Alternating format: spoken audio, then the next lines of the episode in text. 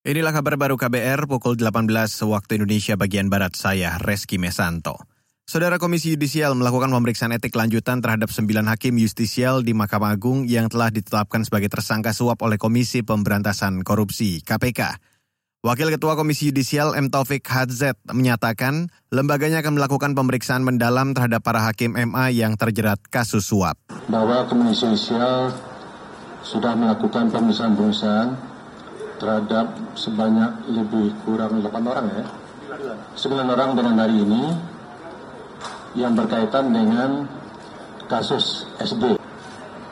8 orang sebelumnya merupakan terdiri dari pemberi suap dan juga pengacaranya, kemudian juga pegawai Mahkamah Agung, dan hari ini kami merisa salah satu hakim yang menerima suap tersebut. Wakil Ketua Komisi Yudisial M. Taufik menambahkan, KY juga akan melakukan pemeriksaan etik terhadap Hakim Agung Sudrajat Dimyati.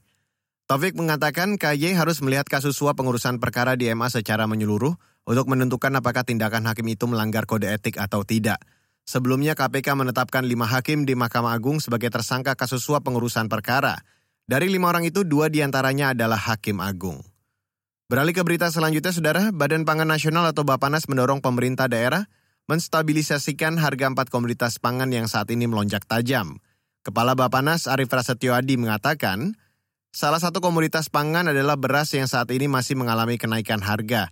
Padahal pemerintah telah menggelontorkan hampir 1,2 juta ton ke pasar untuk meredam harga. Eh, pada kenyataan terjadi kenaikan-kenaikan. Oleh karena itu, harapan kami Bapak Ibu eh, bisa berkoordinasi dengan Bulog di daerah untuk memastikan eh, penyebaran atau pendistribusian KPSA, KPSA yang dilakukan oleh Bulog. Karena KPSA, KPSA ini mestinya juga bisa sebagai langkah-langkah untuk mengendalikan harga beras.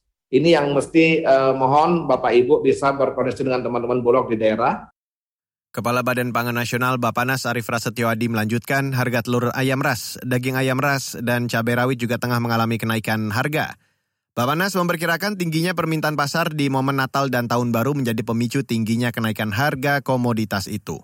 Arif Prasetyo juga mengapresiasi kepala daerah yang telah melakukan gerakan pangan murah dan operasi pasar untuk mengendalikan harga komoditas pangan yang tinggi. Saudara, kalangan anggota DPR menilai upaya penanganan bencana tahun ini masih belum maksimal. Anggota Komisi Bidang Sosial di DPR, Hidayat Nur Wahid, mengatakan, kurang maksimalnya penanganan bencana membuat pemerintah pusat dan daerah kerap dianggap gagap menangani bencana. Hidayat mendorong perbaikan penguatan mitigasi bencana alam dari hulu ke hilir pada tahun depan. Tetapi yang berbentuk preventif ini kami melihat uh, belum terjadi perbaikan yang signifikan. Padahal harusnya dengan berulangnya bencana alam yang sejenis ya, apakah itu gunung meletus, erupsi gunung merapi, relatif terulang ya. Harusnya secara preventif itu sudah bisa dilakukan ya penyiapan tentang daerah pengungsian, mekanisme pengungsian, kemudian juga peralatan-peralatan bantuan sosial tidak ada pengungsian. Ini terasa masih seperti seolah-olah ada kegagapan.